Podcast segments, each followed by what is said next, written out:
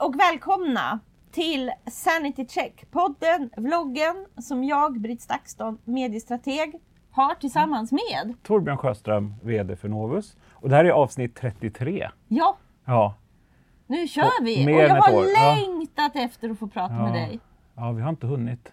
på länge. Nej, nej det är, vi får skärpa oss. Men ska vi Ja. göra en liten ingress så att folk Mm. stannar kvar? Mm. Vi måste ju prata om er senaste opinionsmätning. Mm, välja tycker jag vi som börjar igår. med. Ja vi, ja, Ja. vi kan börja med den. Ja. Och sen, Eh, sen har jag ju idag skrivit en eh, debattartikel på kultursidan i Svenska Dagbladet om hur jag anser att metoo-rörelsen Mm. faktiskt sorgligt nog har stått på samma sida som antidemokrater i sitt Mm. sätt att eh, vara mediekritiska. mm, Eh, och har vi något mer? Har du något så här som du har känt att det där skulle vi ju prata lite mer om? jag tycker vi börjar med de här två sakerna. Så ser vi. Ja, Ja. Vi ska ju egentligen inte hålla på mer än en timme. Så häng med, nu kör vi! Ja. Men du, Mm. Ja. vad var det för siffror ni presenterade igår? Ja, jag såg att du blev ganska chockad. Eh, Eller det blev också. som jag har trott ju. Ja, ja, men mycket, ja, precis så var det väl med att det nu på något sätt proppen gick, eller nu börjar hända. Det har varit ganska stiltje väldigt länge.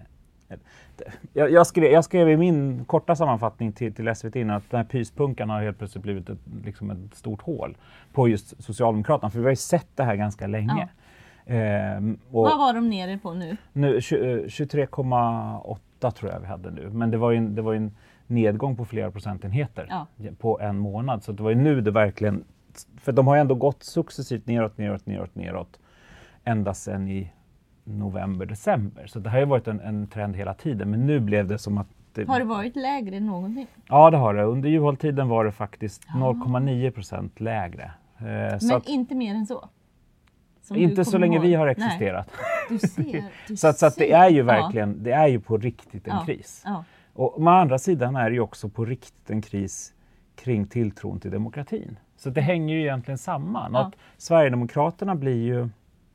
Jag har ju sett lite och jag skrev en liten kort sammanfattning kring när vi släppte vår poll och Pols. För jag har sett mycket som säger att man är dum i huvudet om man röstar på Sverigedemokraterna som en protest. Det har varit liksom, jag har sett en, många tycka så. Varför röstar man inte blankt istället? Vilket blir en ganska konstig retorik. För att om man nu backar tillbaka ett steg och försöker släppa alla känslor som väldigt många har Mm, eller, eller mm. politiska värderingar som Mm, många har. Jag har ju den eh, lyxen att jag inte behöver... Jag måste hålla mig utanför det här. Mm.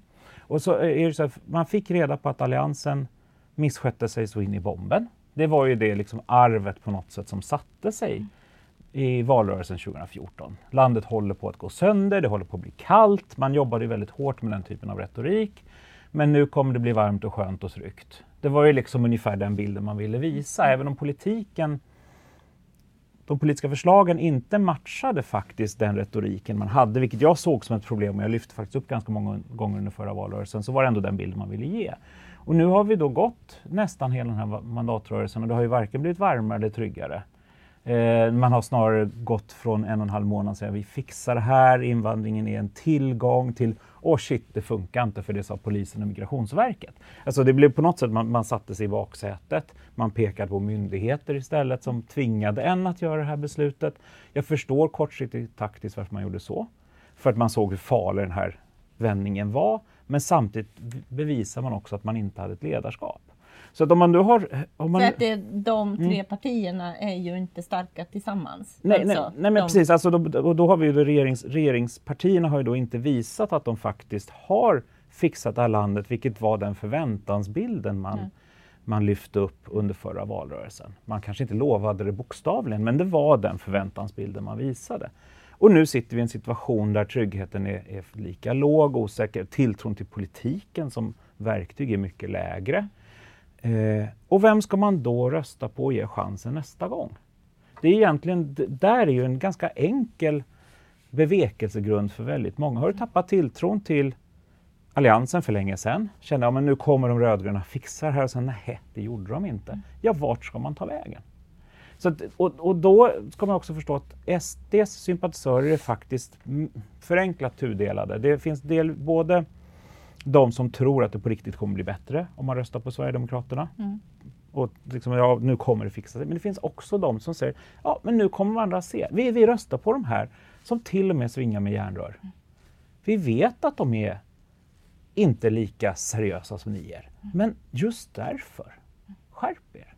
Alltså för att det är brist, mm. ett brist mm. på ett annat ledarskap. Men när jag hör dig prata så väcks också tanken mm. på att, för jag tror ju, det är absolut så, det är ju det kanske, om det finns två anledningar till att utnyttja sin, sin, sin röst mm. så är ju det ena för att det kanske är eh, det minsta man gör för demokratin. Mm. Man går och lägger mm. sin röst och eh, känner att nu har jag bidragit på det sättet. Det är gott nog för många som mm. sen inte gör så mycket mm. mer men känner att jag har påverkat på det här sättet. Men sen finns det väl den här diskussionen om att många känner att eh, vad är meningen med det? Vad spelar mm. min röst mm. för roll i det stora hela? Men det, det, i, i Sverige är det ändå så att alla känner till stor utsträckning att Precis. det finns ett värde i det. Men Exakt. då är det ändå ett väldigt stort steg att ta, eh, att lägga sin röst på Sverigedemokraterna mm. om man överhuvudtaget inte befinner sig eh, det är en sak, missnöjesrösta, men det kanske blir fler som röstar blankt, vill jag försöka ja, lite fråga, luddigt ja, säga, i just fråga, det här valet, precis, för men, att också mm, markera missnöje. Ja, jo, men frågan är ju då, jag, nu vet jag inte, men jag tror att man mer ser det som, alltså okej, okay, säg att det vi har tre lott, lotturnor man faktiskt lägger mm. sin, eller fyra då med rösta blankt. Mm. Att rösta blankt, då kommer du garanterat inte att göra någon påverkan. Nej.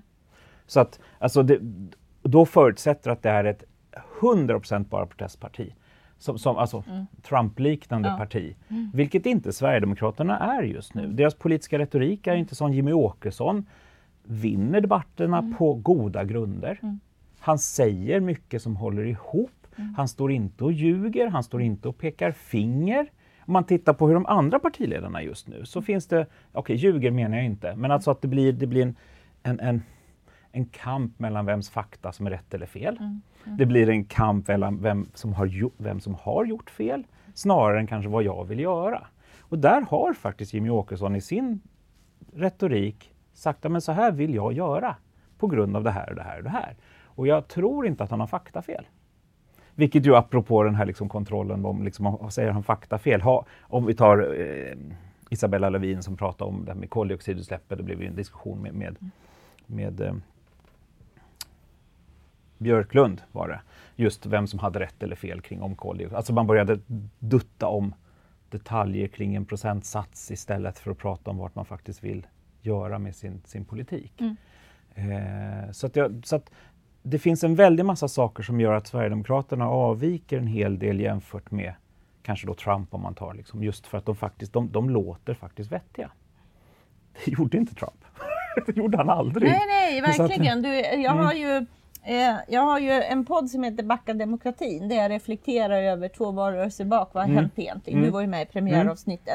Mm. I senaste där så intervjuar jag professor Erik Amno, min mm. absoluta så här, mm. hålla i och lära sig mer av. Dels för att han har lyft fram de här eh, att det finns en så stor grupp som politiker borde måna om att aktivera, mm. de som är standby-medborgare, mm. som är insatta, som mm. läser mycket, men som än så länge faktiskt har överlåtit ansvaret till politiken mm. som den är. Men kan kliva fram om de känner att de behövs. Mm. Jag skrev ju om de här 2014 och tänkte att det var eh, Feministiskt initiativ var bäst mm. på då. Att mobilisera dem även om det inte räckte. Så dels pratade vi mycket om det i avsnittet. Men han landade i just att ha en otrolig förståelse för hur eh, systematiskt Sverigedemokraterna lär sig allt om statsbildning just mm. nu. Liksom. Mm.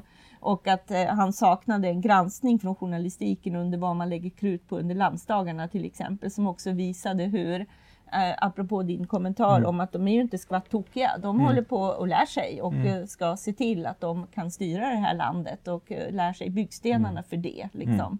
Mm. Och det, och det har, har, man sett under ganska lång period också. Att jag, jag tyckte mig se många tecken att man insåg, vänta nu har vår väljarbas förändrats. Mm. Vilket gör att nu måste vi börja uppfylla våra nya väljares förväntningar, mm. inte den här mm.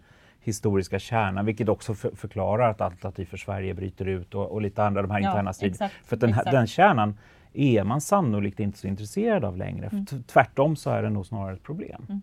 För att, för att mm. syftet, ja, och sen vet man inte vad som är hönan och ägget. Man vet, alltså nu är det bara spekulationer, men man ser ju ändå att deras retorik förändras hela tiden. De har ett mål och det är till och med uttalat ju. Man vet, deras strategi är väl nedskriven mm. till skillnad från de andra partierna utifrån vart de vill komma. Mm. Mm. Eh, så att, så att det det, man, och det är väl där, alltså jag tror så här att ett, de andra partierna måste ju sluta fokusera på, på, på ett annat, alltså winners focus on winning and losers focus on winners. Det är ju liksom något som någon har sagt till mig någon gång. Liksom att, ja, precis. För syft, att syftet är ju faktiskt att fokusera på sitt eget mål. Mm.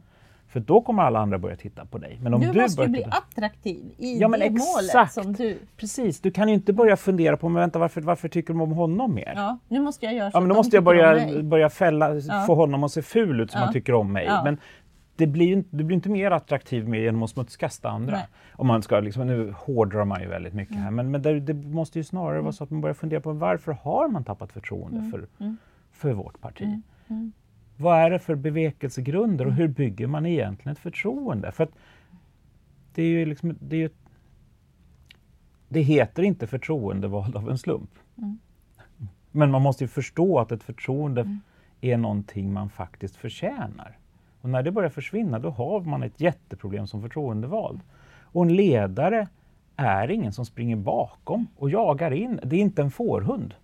Men nu blir det nästan, finns det en känsla att man snarare försöker skocka in sina väljare. Och jaha, nu går de dit och är där också. Ja, sen är det sen... ju lite märkligt att lägga huvudkrutet på att få tillbaka dem som tenderar till att gå till ett annat parti och kanske mm. allra mest till Sverigedemokraterna. Mm. Att bara lägga krutet på dem mm. och inte göra någon analys av mm. vad händer i vår relation till vår stora väljarbas. Precis. Det är ju otroligt mm. anmärkningsvärt. Ja, det finns ju en risk att man upplevs faktiskt bara by byta karaktär på partiet helt plötsligt. Så att de som redan var där innan och det ser man även på Moderaterna. Centerpartiet vann ju väldigt mycket väljare från Moderaterna i det skiftet de gjorde mm. väldigt fort. Mm. Att öppna hjärtan-Moderaterna gick till Centerpartiet.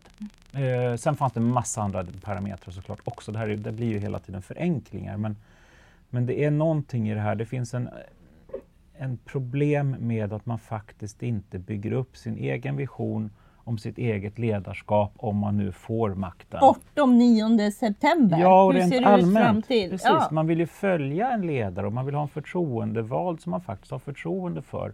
Men när förtroendet är borta, då måste man ju börja med att jobba och bygga tillbaka det förtroendet. Mm.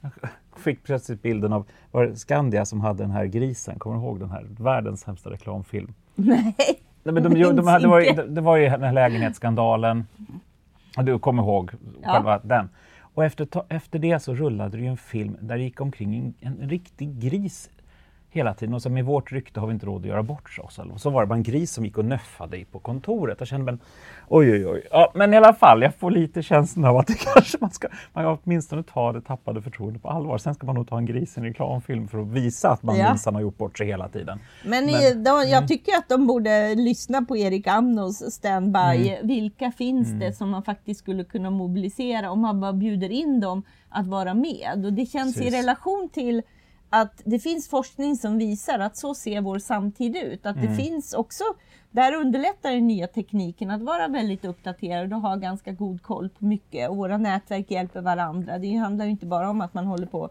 sätter sig in i saker, man har ett nätverk och vänner mm. och så vidare. Så får du pusselbitar. Och att man inte känner en lust att aktivera dem mm. istället för att förflytta de redan missnöjda som ju kommer mm. komma tillbaks om de känner förtroende. Det är Exakt. helt fel ja, strategi mm. att befinna sig på den andra planhalvan. Mm. Och, eh, alltså det är ju lätt att sitta så här och kritisera eh, partistrateger hit och dit, men mm. alltså det var ändå en otroligt obegriplig artikel jag läste i Resumé av Socialdemokraternas valstrateg. Jag fick läsa om den typ mm. fyra gånger och då förstod jag att jag inte förstod fortfarande. Men jag förstod varför jag inte okay. förstod. Och den ja. handlade typ, rubriken var att man ska befinna sig på, den andra, på deras planhalva. Okay. Och det är bara så tokigt tänkt. Mm. Men kan du inte uppdatera mig eh, mm. på siffrorna? Hur såg det ut egentligen? Vem, med, om mm. det hade varit skarpt mm. läge, vem Precis. hade varit statsminister idag då, då? Det vet jag inte. Um, det vet ingen. Nej, för det beror ju på så många olika parametrar. Men, men det, det vi såg var att Socialdemokraterna är för, fortfarande största parti, men Sverigedemokraterna nosar dem i hälarna. Så att Sverigedemokraterna är näst största näst parti. Störst. Sen kommer social, förlåt, Moderaterna, sen kommer Vänsterpartiet, sen kommer Centerpartiet. Eh, sen Miljöpartiet och Men KD va? under. Vänta, hur Jag mycket vet. hade Vänsterpartiet? Ja, de, de, de har k- 0,2 procent över eller något sånt där. Ja, Större än vad Centerpartiet. Pratar vi för siffror? Eh, det kommer jag inte ihåg just nu. 8,2 kanske. Ungefär. Så de har också knaprat sig uppåt eh, successivt. Eh, egentligen mer eller mindre månad för månad. Det på, på vår hemsida finns det en lång tidsserie där man faktiskt kan se alla de här och det är ganska bra att ta ett steg tillbaka och, och se, jaha, men titta här. Verkligen Liksom. så. Eh, och, och just för annars är det väldigt lätt att se de här små förändringarna som sker månad för månad. Vi, vi försöker kolla på det vid varje publicering såklart. Men det är inte allt som hinner rapporteras i media och det är inte allt vi hinner skriva om och vissa saker är bara... Ja. Men är det, eh, det är... eh, Och Miljöpartiet klarar inte spärren? Jo, det gör de, men Kristdemokraterna ligger eh, ännu lägre. De har gått ner igen. Så att där ligger... Det ser ju väldigt, väldigt dystert ut där. Det, och minns jag rätt så tog Moderaterna från Kristdemokraterna till exempel. Så att där, där är snarare det omvända. Hälften Söderöst. sticker till Sverigedemokraterna, hälften till eh, Moderaterna. Ja, det är, så svå, det är så små baser på just Mm. Kristdemokraterna. Så just, och nu tittade jag bara från, från förra månaden till, till nu och då såg det ut som det var framförallt Moderaterna man gick till från Kristdemokraterna. Eh, jag tror att steget kan vara längre, om jag minns rätt, från SD till KD, eller mellan SD och KD på grund av liksom deras, deras, många av deras kristna värderingar ändå. Det finns ju även en, en, en krock där. Ja, utifrån liksom det, det, det, det Ja. liksom rel- religiösa arvet Mm. som inte funkar jättebra med stängda gränser. Mm. Eh, faktiskt. Mm. Eller, eller vad man nu ska kalla det. Ehm, men Men nej. eh, vad är eh, största parti Mm. blir ändå underordnat om du inte får ihop? Men en, kan man inte bilda en regering som Nej. kommer att över, överleva en, en budget? Så, så... Men kommer bollen först gå till dem? Jag tror att det är så. Ja. Alltså, och sen är väl frågan om de vill ta bollen eller Ja. inte. Ehm, och, och, så att, så att rent, att, nu, jag, är, jag är faktiskt inte statsvetare. Nej. Så att, men, men, däremot, skulle de, först vi får kan de frågan. hobby teoretisera. Ja. Skulle de ens ha... Hur, hur, Ja, Men rent praktiskt så andel- är första frågan faktiskt om man har en omröstning om sittande statsminister om jag minns rätt. Mm. Vilket gör att det liksom om, om alltså man behöver, det, det, det förutsätter en omröstning först. Mm. Eh, vilket ju då innebär, och jag tror inte man behöver inte ha majoritet, det är bara att man inte har en majoritet mot sig om jag minns rätt. Så det, det finns ju, en, det finns ju en, en teoretisk möjlighet att man ingen röstar ner Stefan Löfven. Eh, å andra sidan så känns det väl som att om, om, om allianspartierna överhuvudtaget vill ha någon, någon chans att någonsin få tillbaks förtroendet så har jag svårt att se hur de kan acceptera det. För det finns jättemånga före detta moderatväljare som är så sjukt förbannade för att man har låtit en mycket, mycket svag minoritetsregering köra vidare. När det har, varit, det har bara varit en omröstning från att sänka den hela tiden. Även eh, ja, fram till eh, decemberöverenskommelsen men även efter och sen när man bröt upp den så fanns det återigen chans man bevisade att man inte ville. Så att det finns mycket, mycket ilska där som, som, som kommer ta lång tid att, att få bort, tror jag. För man har ju bevisat att man hellre låter då Vänsterpartiet få styra så utifrån en moderat röst än att man själv tar makten. Eh, där, där, där avståndet till, Sverigedem förlåt, avståndet till Sverigedemokraterna, jo det var jag sa rätt, är ju mindre än till Vänsterpartiet och antagligen också Miljöpartiet. Om man tar, liksom Ja. måste stå och välja mellan två onda Ja. ting. Mm. Vem vill jag... För att sannolikheten att SD skulle stödja mycket av den politiken man själv sympatiserar med är ju högre än att Vänsterpartiet skulle göra det. Och, och väljarna är ju faktiskt väldigt pragmatiska och, och har egentligen inget... Så det, vi måste ju förstå att ur väljarnas perspektiv så är det, det är bara demokratiskt valda partier vi pratar om. Eh, Ja, Absolut. Och det är där det, Det blir precis. krocken Ja, ja, också det- som är ja. väldigt, väldigt lätt att glömma när man läser många, många krönikor och liknande. Att det Mm. liksom att det var, jag såg någonting, nu måste vi samarbeta för att hålla ute SD. Mm. Så att Moderaterna får sluta och motarbeta Socialdemokraterna. Mm. Vilket blir en helt absurd diskussion i ett demokratiskt samhälle. Mm. Det, det går liksom inte att föra riktigt den Mm. det, och man har ju om inte annat bevisat att det absolut det mest kontraproduktiva man kan göra är att bara fokusera på ett parti. Miljöpartiet hade ju sin huvudmotståndare i Sverigedemokraterna och det, bara, det gick bara sämre och sämre och sämre. Det var inte bara det, men det var ju en bidragande orsak. Man glömde ju bort sin egen politik. Mm. Mm. Nu ska vi liksom vara motkraften till SD. Mm. Det blir jättedumt. Mm. Och apropå de här passiva aktivisterna, vi kanske har pratat om innan, men jag insåg en sak när, när, när, kring, kring, eh, när Alain eh, fotades på stranden och, och, och, och liksom hela den här folkrörelsen. Så, du och jag pratar om jättemycket, jag kommer inte bara inte ihåg om vi har gjort det i Sanity Check. Eh, just det här med att det, som, det var ju jättekul att se det mänskliga engagemanget. Men det som gjorde mig lite orolig var att i normala historiskt Sverige, det typiskt svenska har faktiskt varit att staten har fixat det här åt oss. Mm. För vi betalar skatt och därför mm. så vi kan lita på att ja. infrastrukturen finns. Mm. Och det finns fler och fler sådana tecken där, där, man också springer ut och städar skräp. Att det, det medborgarinitiativen då, de här passiva liksom, mm. eller standby-aktivisterna eller mm tar, fokar på en fråga för att man vet, det där, det här, man, man känner inte en tilltro till att samhället kommer fixa det här. Nej, och det, där är det ju så, um, alltså där är ju så sorgligt att de etablerade uh, institutionerna och partierna just inte inser den här komponenten mm. av ett medskapande som mm. du måste jobba med ja, idag. Precis. För att eh, om man inte känner det förtroendet så är det ju inte så att inget kommer hända och du kan mm. vara kvar i din eh, liksom, mm. feta kattposition. Ja, utan då kommer du agera och skapa mm. själv. Mm. Eh, jag var precis på en sån framtidsutställning i, i London och i deras demokratiavdelning. Så fanns ju sådana här exempel som ju också ligger här och bubblar, också eh, kopplat till nya sätt att eh, bygga demokratin. Mm. Liksom, så här, flytande städer. Mm.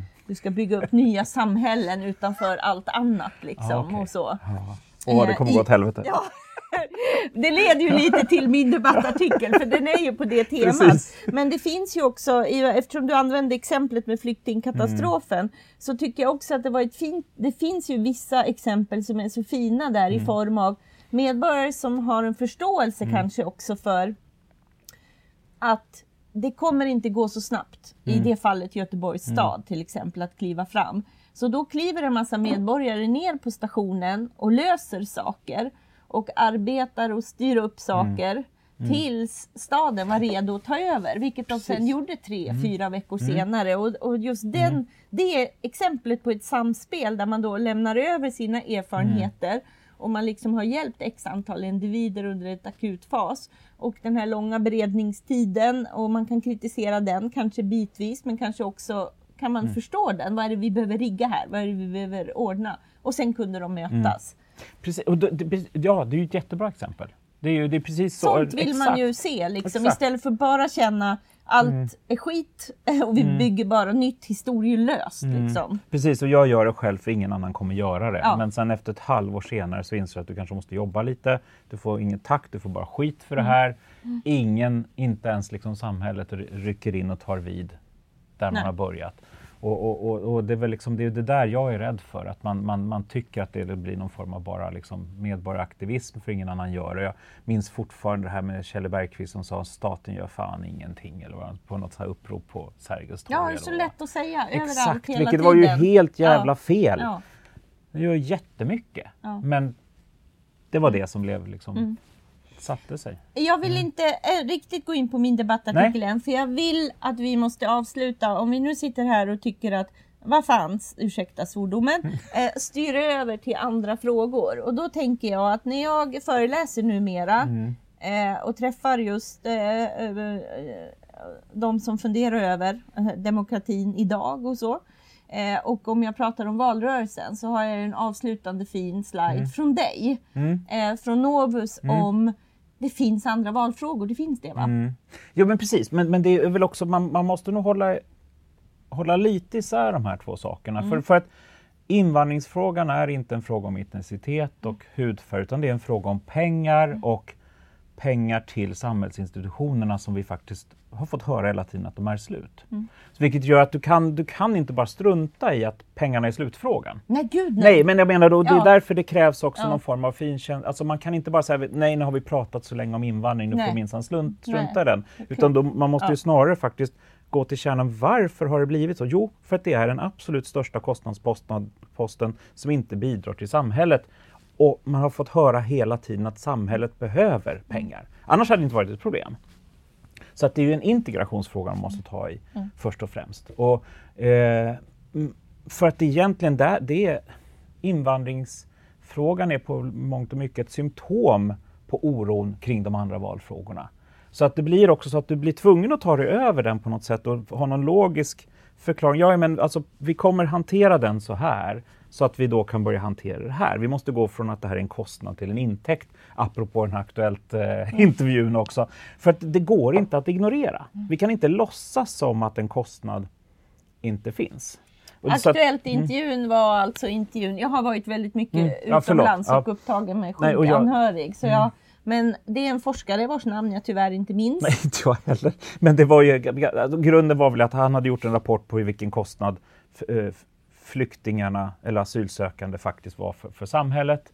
Eh, vilket sen kritiserades av, av eh, Skocko var det va, tror jag. Eh, och han var väldigt tyst väldigt länge i intervjun i Aktuellt för att han blev mer och mer förvånad över att frågorna blev bara, det var fler och fler dumma frågor. Liksom att det blev, men vänta nu, det här, det här kommer inte ens hjälpa förståelsen kring rapporten.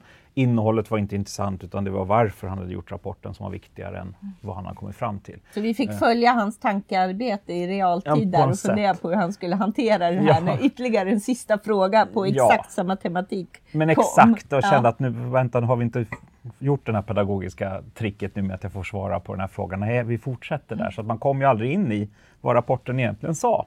Sen fick vi ju bakgrundsinformation, för jag har läst ja. hans eh, ja, bloggtext mm. och då fick vi också bakgrundsinformationen som också eh, det klassiska, för så funkar det Aktuellt, mm. att du befinner dig ju i Aktuellt-studion, du har briefats kring en fråga, i det här fallet kring din rapport. Mm. Eh, I det här fallet hade han ju också vägrat stå i studion med Skocko. Mm, eh, men befinner sig i Aktuellt-studion och får då se mm. en intervju med Skocko som i princip skickar en fråga till honom, mm. trots allt. Ja. Eh, så då hade han väl att hantera det utan att vara särskilt medietränad i ett antal frågor. Liksom den frustrationen mm. i realtid att upptäcka det då liksom. Och sen kommer Precis. vi till den här åttonde sista frågan som föranledde typ väldigt många sekunders ja. Tveksamhet. Ja, och där tror jag väl också att det blir krocken mellan viljan att faktiskt ta fram kunskap eller fakta. Det är, nu är inte riktigt samma sak, men jag kom på att jag inte riktigt vet hur jag ska definiera det. Här. Men i vilket fall att veta, okej, okay, men så här mycket kostar invandringen. Det borde, fakta borde aldrig vara kontroversiell, men hur man sedan använder den här faktan så att den, den, blir missvisande, då har vi kanske ett problem. Men mm. alltså faktan som sådan bör inte vara ett problem. Och ur forskars perspektiv så jobbar man väl framförallt med att ta fram fakta. Mm. Och att då ifrågasätta att man överhuvudtaget ta, ta, att man skulle haft en agenda eller undanhållit att ta fram fakta bara för att det eventuellt skulle kunna missbrukas blir ju en jättejobbig... Det blir en fullständigt hån mot det man står för som forskare antar Ja, och forskare ja. befinner sig mm. i den här fyrkanten mm. och eh, behöver ju då Eh, eh, mediemässigt mm. för att nå ut i så fall mm. med att inte vantolkas på det här sättet. Lägga väldigt mycket krut på den komponenten mm. av, men det är kanske inte därför vi gör det. Mm. Av, det finns andra skäl till att man Exakt. tar den här kostnaden. Mm. Men det är ju att ge sig ut på ett på ett svajigt område som en forskare inte vill befinna sig på när du inte, det är inte din uppgift, du har inte forskat på det och du kan inte komma med fakta på då annat än att du kan slänga ur ett lite att vi gör det av andra skäl, av mm. humanistiskt eller så. Precis. Och det blir en sån obalans då i det. det så blir det, vilket i och för sig å andra sidan leder mig till min tanke om att den tredje uppgiften faktiskt inte sköts ordentligt mm. av forskarkåren just nu. För att man, det enda man gör är att man skickar ut en jättemassiv, svår, genomtränglig faktalunta mm. och sen tycker att de som läser är dumma i huvudet för att de inte fattar. Nej, men det, på riktigt, det jag märker det mer och mer och att det är liksom det, det, det när man kanske snarare ska utnyttja sin kunskap med att säga men okej, okay, det det här säger, vi måste prata journalistsvenska. Mm. Ja, för att, och gör man inte det, då kan man inte tycka att den mottagaren är dum i huvudet för att de inte har forskat. För mm. då har man struntat i den tredje uppgiften, för det är att sprida kunskap. Det är inte att skicka ut en massa papers som är nya rön och liknande som kanske inte är... Alltså man måste också ha någon faktiskt, ja men här är slutsatsen för dummies. Mm. Och det gör man aldrig och då måste man också börja begripa hur journalistiken funkar och hur, hur allmänheten, den kunskapsnivå som redan finns. Och det där struntar man fullständigt i. Och jag har krockat med många forskare mm. länge om mm. det här, mm. där man fullständigt dragit undan mattan kring det jag säger. För att man har tagit en liten prick och sagt, ja men titta här! Mm. Och då blir det som att vad forskarna ifrågasätter det jag har gjort. Men nej, det gjorde de inte. Men visst, den där lilla pricken, men det var egentligen irrelevant. Mm. Och det där är faktiskt mm. någonting man måste utifrån på grund av det nya medielandskapet där vi inte har eh, några, eller så stor andel eh, journalister som har en, en, en, sakkunskap redan från början. Det, det, liksom, det, finns ju inte jättemånga vetenskapsjournalister, det finns inte, alltså och så vidare. Och så vidare. Alla är ju någon form av generiska liksom, bevakare mer eller mindre.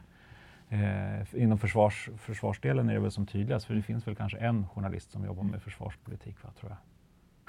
Ungefär, eller två. Nej men de är inte många som faktiskt ja, har nej, det som jag uppgift. Jag fattar din poäng där, att det, där eh, får man, men det var väl tydligt där. Men mm. berätta mm. din brygga där över eh, hur eh, eh, migrations integrationskostnaderna, ja. bryggan över för att för att kunna, kunna komma prata vidare. med andra ja. valfrågor. Det enda... För det som var spännande mm. i den ja. sliden som jag ändå mm. försöker uppmana politiker till att befinna sig i är ju eh, att eh, fundera över vilka frågor man driver och vilka mm. lösningar man har mm. på dem. Liksom. Att ta in det. För där, det som Precis. är roligt med den sliden är mm. att du ser över tid. Mm.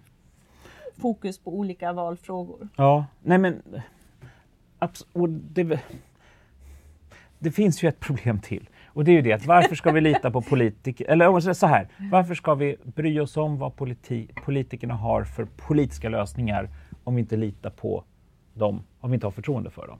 Mm. Så att vi har, liksom, vi har två problem just nu som vi brottas med. Och har ja, man inte förtroende för politiken... Jag tror ju att om du ja.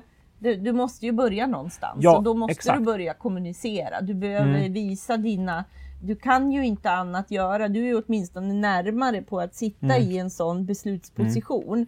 Och jag kommer aldrig kliva in i den sitsen. Det är ju mm. fortfarande mm. så. Nej, nej men liksom, absolut, jag bara ja. säger, jag så, du har helt rätt. Men, men, men jag och, tror på, på ja. att vilja, mm. våga kommunicera mm.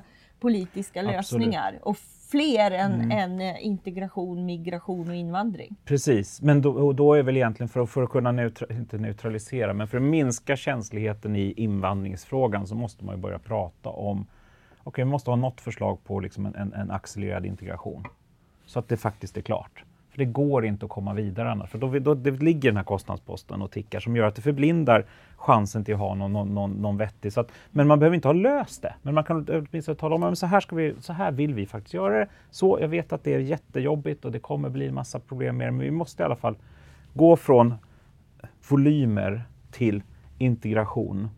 Och för då kan man också öppna upp möjligheten att faktiskt prata om andra frågor också.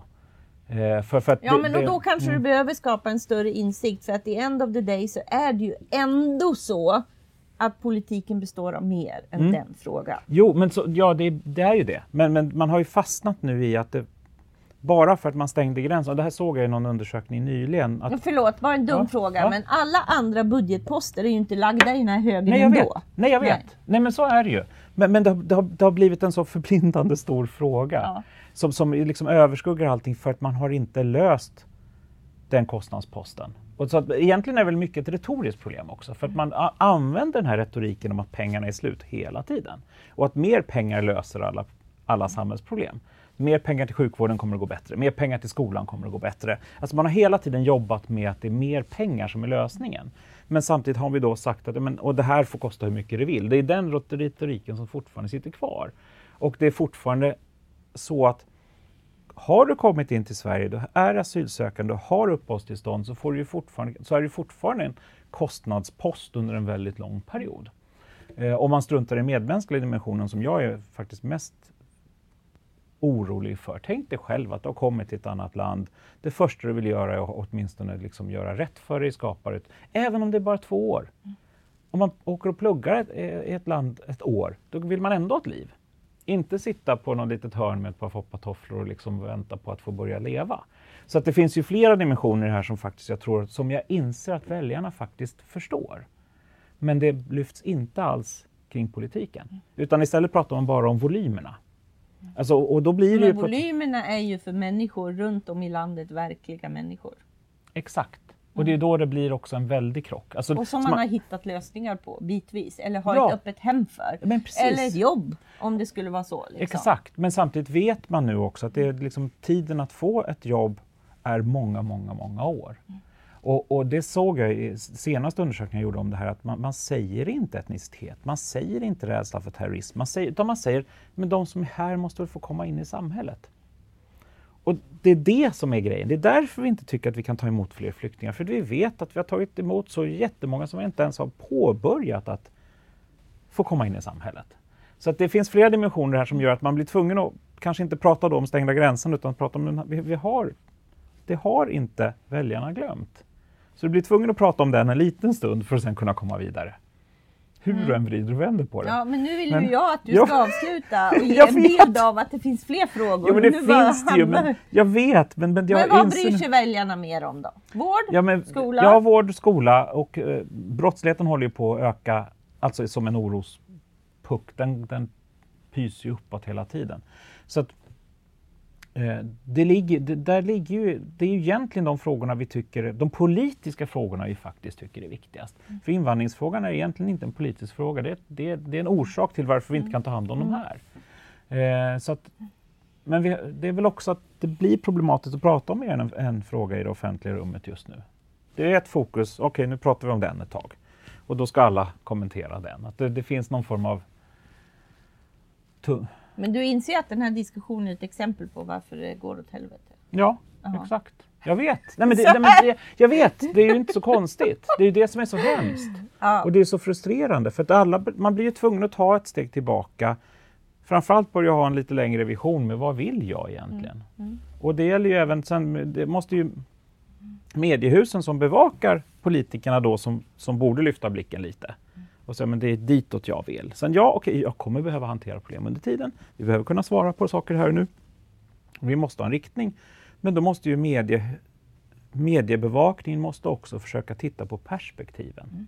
Inte bara polariseringen, som man, eller motbilderna som man jobbar med. Det är, det är en jätteproblem mm. just nu. ja, men det... lite frustration över att eh, det är där man hamnar hela mm. tiden. Men då kan jag säga mm. att om man då adderar en aspekt apropå det vi sa i påan här om att eh, vilka andra frågor vi skulle ta upp. Jag har ju under tiden eh, bland annat eh, eh föreläst för SKL. Eh, I, i, min uppgift var ju då i perspektivet av en ganska eh, komplicerad verklighet på nätet. Mm. Hur kan man ens vara på de här plattformarna med relevans? Liksom? Och i det fallet var det väldigt positivt att försöka peppa för att eh, själv diskutera andra frågor för att det politiska samtalet är så kapat. Så brinner mm. man liksom för barns rättighet, driv den frågan mm. starkt då som politiker till exempel. Att det ändå finns ett utrymme för det. Det kändes som att man, det var dagens eh, demokratigärning. Mm. mm. Men på det temat, jag eh, hade ju den enda positiva slotten för i övrigt handlade det om hat och hot mot förtroendevalda. Ja. Med en aktuell studie som eh, eh, hade gjorts ihop med Försvarets eh, forskningsinstitut. Mm. Och där man också konstaterar så här spännande formuleringar som att om du är fördomsfull mot andra grupper då är du så pass fördomsfull att du till och med är fördomsfull mot grupper som inte existerar. Så det hade de testat genom att lägga in en random namn på en rörelse som absolut inte finns, men ja, den var man skeptisk till. Mm. Eh, det är ju intressant. Och där konstaterar man ju just att hatet frodas online. Mm. Förstås på grund mm. av anonymitet, det förstår man ju och kan relatera till.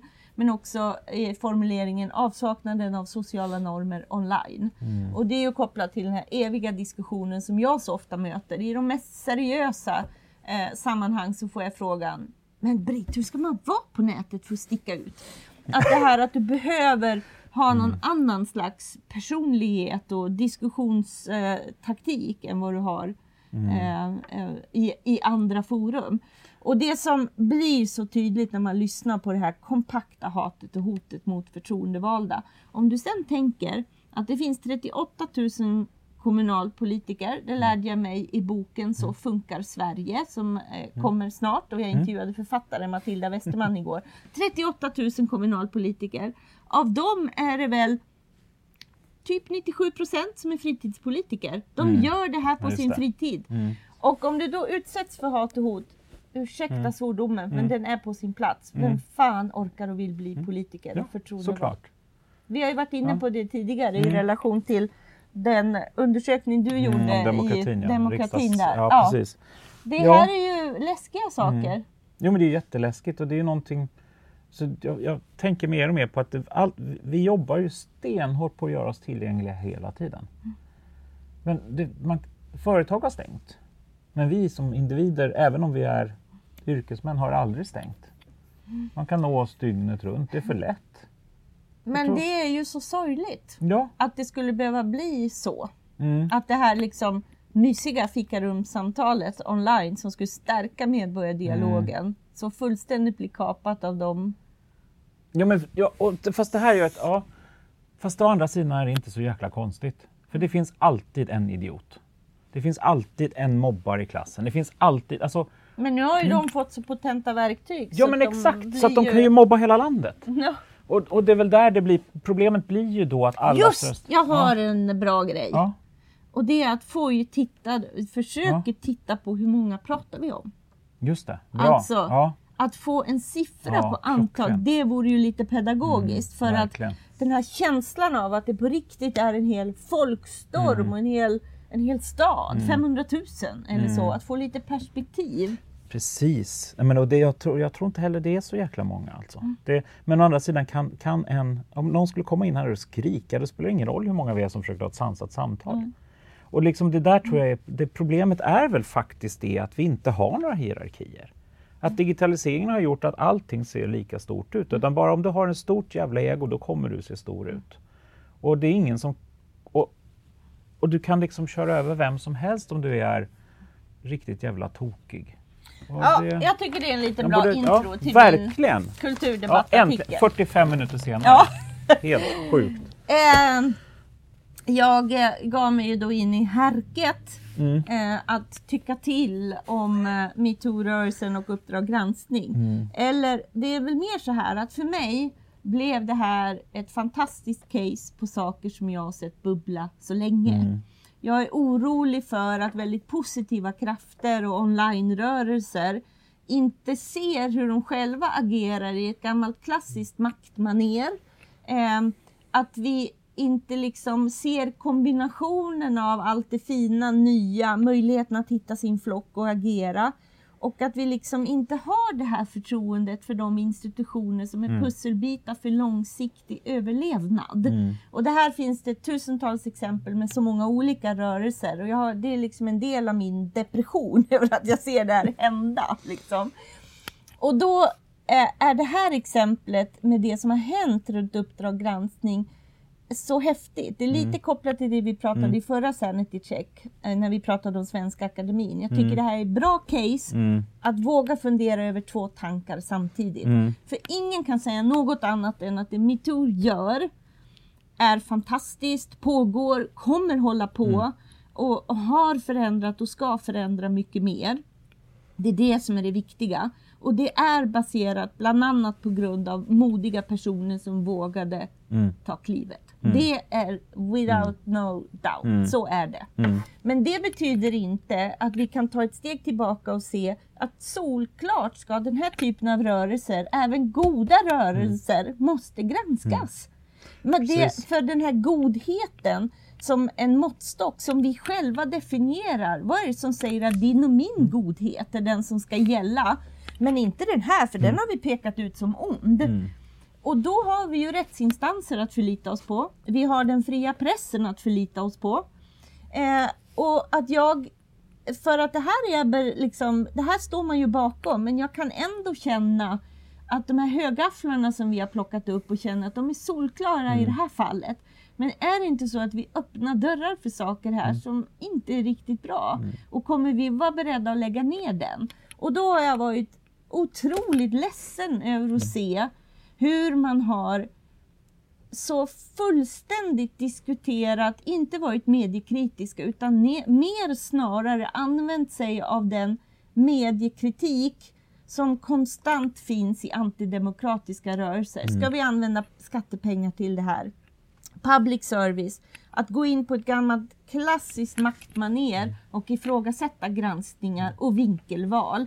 Istället för att vänta ut programmet, agera med mediekritik, men att hålla sig för god med att rida på den här vågen av det otroligt starka medieföraktet.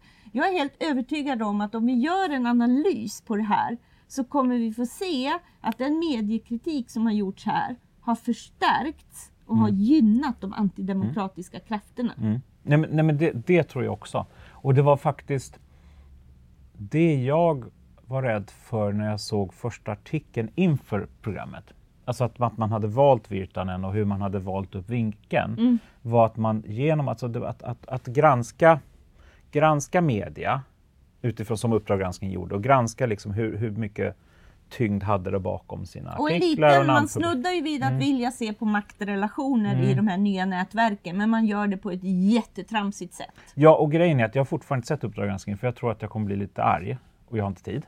Men, jag, men du får jag nästan vet. inte sitta och prata om Exakt. det du Jo, för att jag pratar nämligen om artikeln som de själva släppte innan.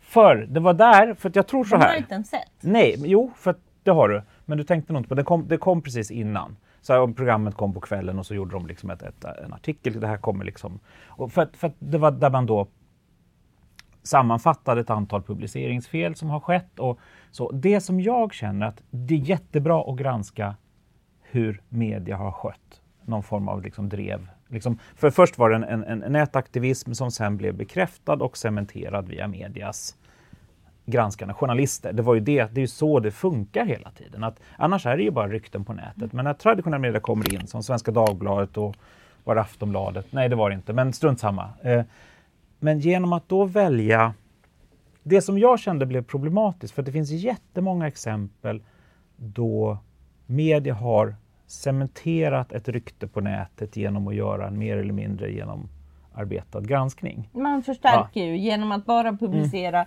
mm. eh, sociala medier-rykten och här mm. tror jag att man har fallit Precis. för det jätteofta. Exakt. För att det är... men, men det jag skulle komma till som, mm. gör det, som, som gör det så jobbigt i min värld är att man väljer en journalist som man då skyddar. Mm. Alltså att man då på något sätt faktiskt bekräftar den här bilden om att jaha, ja, vi har inga problem att sänka akademin. Vi har inga problem. Men nu när det helt plötsligt kommer en journalist som är, har många kompisar, då, även om det inte är sant, mm. så bara genom att rikta strålkastaren dit så ökar du sannolikheten för att du gör precis det själv. Liksom går rakt i den där fällan med att ja, men alla journalister kommer bara skydda varandra. Alltså det är den, den där grejen som jag har svårt för och det är mm. därför som jag också men du ja. fattar mm. att jag skiter ja. i Uppdrag granskning, nej, men, jag, innehållet nej, jag vet. i programmet nej, och, och, i sig, i min därför, text. Så, du frågade ja. om jag tyckte du var dum i huvudet när du skrev den här texten och det tycker jag inte. eh, men, men grejen är att alltså, så som jag har funderat på det här, för jag, jag det är jättebra, vi måste vara mediekritiska hela tiden och framförallt redaktioner måste våga kritisera andra redaktioner. Mm. För det här har försvunnit någon gång under tiden. När, när, när Facebook och kom och Google kom och helt plötsligt skulle döda mediehusen fick de för sig. Då slutade man att granska varandra. Istället så gör man gemensamma fakta, kollar och man liksom håller varandra om ryggen och det är vi mot världen. Mm. Vilket blir helt bakvänt för oss som mediekonsumenter. Mm. De ska kunna granska vem som helst och om en annan redaktion gör fel så ska en, en seriös redaktion vara den första som pekar på det. För annars tappar man förtroende. Så i den mekanismen mm. är det inga problem med. Problemet är att det inte har pågått under en så pass lång tid. Så när man väl gör det så väljer man en som då bekräftar, jaha, journalisterna ska bara skydda varandra. Det är den som jag har liksom ett, känner att liksom det, var, det var ett dåligt exempel att göra det på för första gången. Hade man gjort det hela tiden då hade det inte varit en ja, eller diskussion man, man hade behövt, Om man nu ska prata ja. om det specifika programmet mm. så hade man ju, hade man ju, man hade, det finns ju en signifikans i att titta på när du blir en sån monumental maktspelare mm. och det är ett mm. startskott. Mm. Och då att det råkade vara en journalist, det hade mm. kunnat vara en filmregissör eller mm. så. Men ja, det är ju den pedagogiska poängen som blir otroligt problematisk. Ja, Men precis. det som finns i mm. programmet som ju är så himla uselt, det är ju att man inte gör det som man förväntar sig av alla makthavare. Att faktiskt göra det som Fredrik Karén var den enda som gjorde från Svenska Dagbladet som ändå valde mm. att försöka förklara sina mm. public sin, hur Precis. de publicistiskt tänkte. Ja. kring eh, eh, hur de tänkte mm. kring sina publiceringar och att det inte går att gömma sig bakom i det här fallet renodlat att det pågår eh, en Nej. Precis, Exakt, och det där, det, alltså jag, jag följde ju diskussionerna kring det. Det är mm. bara att jag faktiskt fortfarande inte riktigt känt att jag, jag har inte varit på humör att se programmet. Det är faktiskt så. Mm. så. Jag vet att du blir sur på mig nu, men det är bättre att vara ärlig. Det kommer ja. krypa fram. Ja. Eh, bara det, ja. det bygger förtroende. Ja, Sen kan man tycka att det är dum i huvudet. Ja, ja, men, eh, men jag är ärlig i alla fall. Men, men, men just det här, det blir ju på någonting sånt. Och det här har ju pågått jättelänge och det mm. som jag kom att tänka på då var även DNs eh, Frysboxen. Mm. Där Wolodarski medvetet undvek att bli intervjuad av någon annan än sin egen journalist. Nej, det går inte. Det är fruktansvärt. Det, alltså apropå hur man ska ja. bygga förtroende och så, men det, det finns någonting kring det här och det sätter ju, för jag har ju ena foten i journalistiken, mm. eller jag har ju varit så här, journalistikens främste försvarare så mm. länge jag inte eh, befann mig ja. i, i journalistiken. Liksom. Och så har jag min andra fot i den här starka tron på demokratin och mm. demokratins nya verktyg. Liksom. Eh, och hur det allt, eh, att, alltså att ha respekten för demokratins fundament men vara mm. djupt kritisk mm. mot saker. Men det betyder inte att vi ska vara nöjda med eh, en utveckling där lösa rykten plockas mm. ihop och tas mm. som intäkter för att människor ska i allmänhetens ögon mm. eh, dömas till att vara pedofiler. Mm. Det, vi, liksom att, att, att höja Absolut. blicken där och ändå se bortom de enskilda eh, berörande mm. eh, eh, eh, fallen i mm. det här. Att ändå se att det finns någonting i den här samhällsutvecklingen den, mm. som inte är bra. Nej, men, I men relation till att det är en sån mm. grundfråga man så fundamentalt ställer sig bakom och är tacksam för de som har ställt sig i frontlinjen för så måste man mm. våga se och kanske det jag har, har avsaknat så mycket är ju att i diskussionerna om det enskilda programmet, enskilda journalister, så fanns det ju ingen som liksom gick in och försökte men, men att, att hejda ett, mm. ett drev som mer liknar den typen av drev som du ser från antidemokratiska mm. rörelser mm. till exempel. Nej men jag håller helt med dig och det, här, det har funnits mycket, alltså, och det, det, det, det du lyfter upp här är ju precis mm. det. Det är bara att jag ville ta lite bakgrund kring liksom min farhåga ja. kring det, varför ja. jag tyckte just ändå att just den publiceringen var, eller den granskningen var problematisk. Ja. Inte för att man granskade men att man var, det var fel exempel att börja med. Exakt, och det är det, man liksom skulle ha sansade diskussioner mm. om, men liksom inte i förväg ifrågasätta A, att granskningen ens görs mm. eh, och, och allt det mm. runt det. Och, eh, eh, alltså plantera liksom, rykten om journalistens mm. kontakter med person X och Y och alla de här sakerna som gör att man eh, blir en del av det som man dagligdags också kritiserar. Ja, men så är det, det, är ju, det är ju, och det är så många saker som krockar i det här just nu och det där blir också blir så för, för att det är som du säger, precis den här liksom nät, nät, nät eh, eller den här gruppen som ändå skapar sin egen verklighet och sin egen, sin egen kamp och där också man väldigt lätt att ändamålen kommer helga medlen. Mm. För det, det, är ingen rök utan eld, nu jäklar.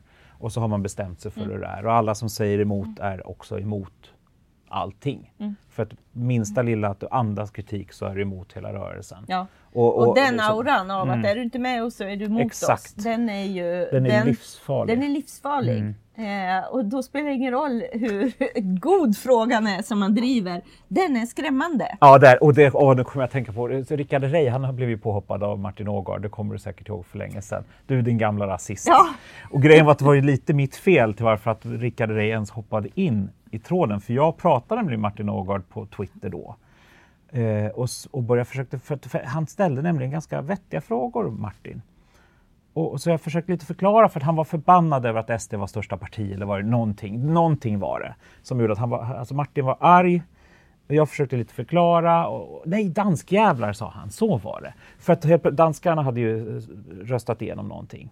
Och, och, och då tror jag att Rickard han hoppade in. Ja, men det är konstigt, så säger ju danskarna om oss svenskar också. Alltså bara liksom, och då blev det bara världens smäll. Men i den vevan så försökte jag också säga det att liksom, nej, bara för att om du inte är rasist så betyder inte det att du är antirasist. Eller rättare sagt, antirasisterna är normala människors militanta gren, försökte jag förklara. Liksom bara säga det här, det, behöver, det måste inte vara Alltså motsatsen till rasism är inte att aktivt bekämpa rasismen. Rasismen är en avart.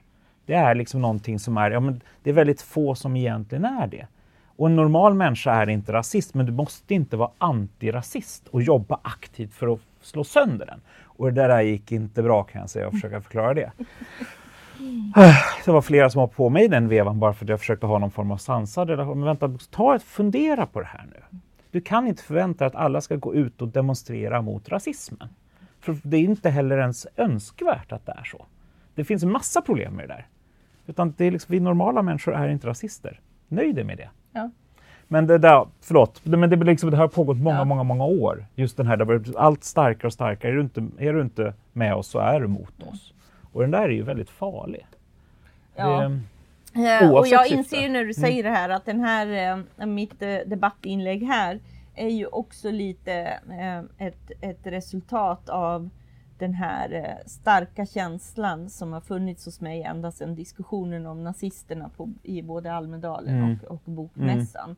Där det just var så tydligt det här, eh, är du inte med oss så är du eh, mot oss eh, på ett sätt som kändes eh, väldigt eh, icke-innovativt eller framåtblickande eller Mm. att göra saker på något som helst nytt sätt. och det är väl det liksom. som jag tror att vi alla resonerande människor blir lite rädda för. Ja. Och, och, Vet du att Ja. jag har suttit i sammanhang där man på allvar har tänkt att det bästa man skulle kunna göra i Almedalen i år, det är en demonstration för demokratin. Mm. Och då känner jag, men alltså, eh, hallå, är inte Almedalen hela? Ja men, ja, men, ja men exakt, och då är ju också frågan vilka åsikter får man ha Ja. i en demokratiskt samhälle? Det blir, alltså, det blir så jobbigt så det blir helt otroligt. Ja. Får du ens komma in i Almedalen om du inte är för fria val? Ja. Eller? Eller vad ska vi göra med dem? Ska vi deportera de människorna som faktiskt är så förvirrade att de tror att demokrati inte är en bra lösning? Eller vad då? Liksom det, blir allt, det går ju inte. Men det... Ja. Men Ja. för, just det, för sen finns det ju en annan dimension i det här också. Vi, alltså det är ju inte helt oproblematiskt att bli granskad av Uppdrag granskning. Heller. Nej, gud. Vilket ju gör liksom att, jag, jag har ju varit med en gång och som tur var var jag inte då, jag hade gjort rätt innan så att det var inte, jag var inte granskad. Eh, men herregud. Så att det, det är ju inte heller konstigt att man säger då att man liksom, ja, men vi vill veta varför. Alltså det finns, det finns många ni- nivåer i det här som gör det väldigt ja. svårt. Och det och- finns, och det finns eh, någonting otroligt eh, utvecklande i att, att eh, ehm, eh, granska granskarna. Mm. Alldeles solklart Mm. liksom. Och att man eh, har verktyg att bita ifrån och Mm. bita tillbaka eller göra de här enkla sakerna som vi ser och som ju har pågått i många, många år. Att man Mm. ser till att ha en egen inspelning av Mm. det som pågår och så. Det är ju sådana verktyg som finns till hands nu och som man med fördel ska göra. Mm. Men det är de här brösttonerna som mer eh, handlar Abso- om ja, att, ja, if- ja, alltså- eh, att Mm. inte förstå att nu ger vi bara de som ifrågasätter den fria pressen mer Mm. eldunderstöd. Mm. Och det är det man måste Mm. passa sig otroligt för och inte känna att det här är, det är så lätt gjort. Och det ser Mm. man det är ju i allt det här att så fort vi är oeniga om något så kommer du säga att det är desinformation eller Mm, eh, precis. fake-information eller fake news och Mm. sådär. Liksom, att man, Men, exakt, och det är väl det, egentligen behöver man ju problematisera saker mer. Ja. Och man måste också lägga ut texten om varför man gör Mm. och bryta tankar och Mm. fram och tillbaka liksom. Ja, man Men får inte- faktiskt ångra sig. Också. Det kan vara så. Oj, jag hade fel, förlåt. Åh, jag kommer, åh, gud, jag kommer ihåg. Jag hade en, en Expressen-journalist som, som eh, var skitförbannad på mig och sa Jag har dig på band, jag har dig på band. Så, ja, men jag tänkte ju fel. Jag sa fel. Ni Mm. ringde för fort, ni hade för bråttom. Det gick inte kan jag säga. Nej. Då ljög jag. Ja. Vilket är helt fascinerande. För det var liksom, Ja, jag vet att jag sa det. Det var inte det som var problemet. Men jag hade fel. Mm. Och där är ju ringde fem- fantastiskt att du faktiskt kan göra en egen liten video om det eller göra din Ja. egen text om det och göra det snabbt Mm. liksom och kunna Exakt. kommentera och så. Precis, i det här fallet blev det en lång jävla tråd på Twitter som bakjour vevade omkring. Så att nu är jag blockad av någon Expressen-journalist för evigt. Men, men det är ju det, men precis så är det ju. För helt plötsligt hade man en alternativ, man hade en möjlighet att göra det. Om man då inte kör med en dåres envishet att man bevisar att man bara är dum i huvudet i den alternativa bilden. Eh, så har man ju faktiskt en chans att kunna nyansera nu som man aldrig kunde förr. Och det är ju väldigt, väldigt bra. Plus att Ja. man kan vända sig till granskningsnämnden till exempel. Mm. Eller till eh, liksom andra instanser på det Mm. sättet. Ja, så, Absolut. ja. Men, men, nej, men jag, jag, tycker, alltså jag tycker det är jättebra att du skrev den här artikeln. Jag tycker inte du är dum i huvudet, apropå det. För vi har ju Facebookat lite om den här Ja. frågan eh, under tiden här. Och, eh, men det är ju det att det är, det är, så, det är nu är det jobbigt. Alltså, det, det, frågorna har blivit så tillspetsade och så svartvita att det blir väldigt, väldigt svårt att ens kunna navigera i vissa saker. För det har blivit så infekterat bara vad man väljer, för att, för att det är en sån avsaknad av granskning. Ja. Normalläget är att man i princip kan säga vad som helst och komma undan med mm. det. För, och så länge du inte har faktafel på decimalerna, mm. då åker du dit. Mm. Men, du kan, ja. men däremot, har du rätt på alla decimaler kan du säga vad fan som helst. Mm. Man kan räkna ut att jorden är platt. Mm. Jag lovar det. Ehm, utan om man då inte säger att jorden är platt. Fast den är fan svår att motbevisa ändå. Det är provocerande svårt att motbevisa den. Det är jättejobbigt. Ja, men jag vet. Jorden är platt, det slår vi fast. Vi ska räkna ut det till nästa gång. Ja, exakt. Ja. men det, det, men det, det är skitirriterande. Det var för något halvår sedan som jag bara kände, men hur dumma kan ni vara? Hur kan ni tro det här? Och sen så, jag vet ju att jorden är runt. Alltså det finns ju inget snack om Allting går sönder. Liksom.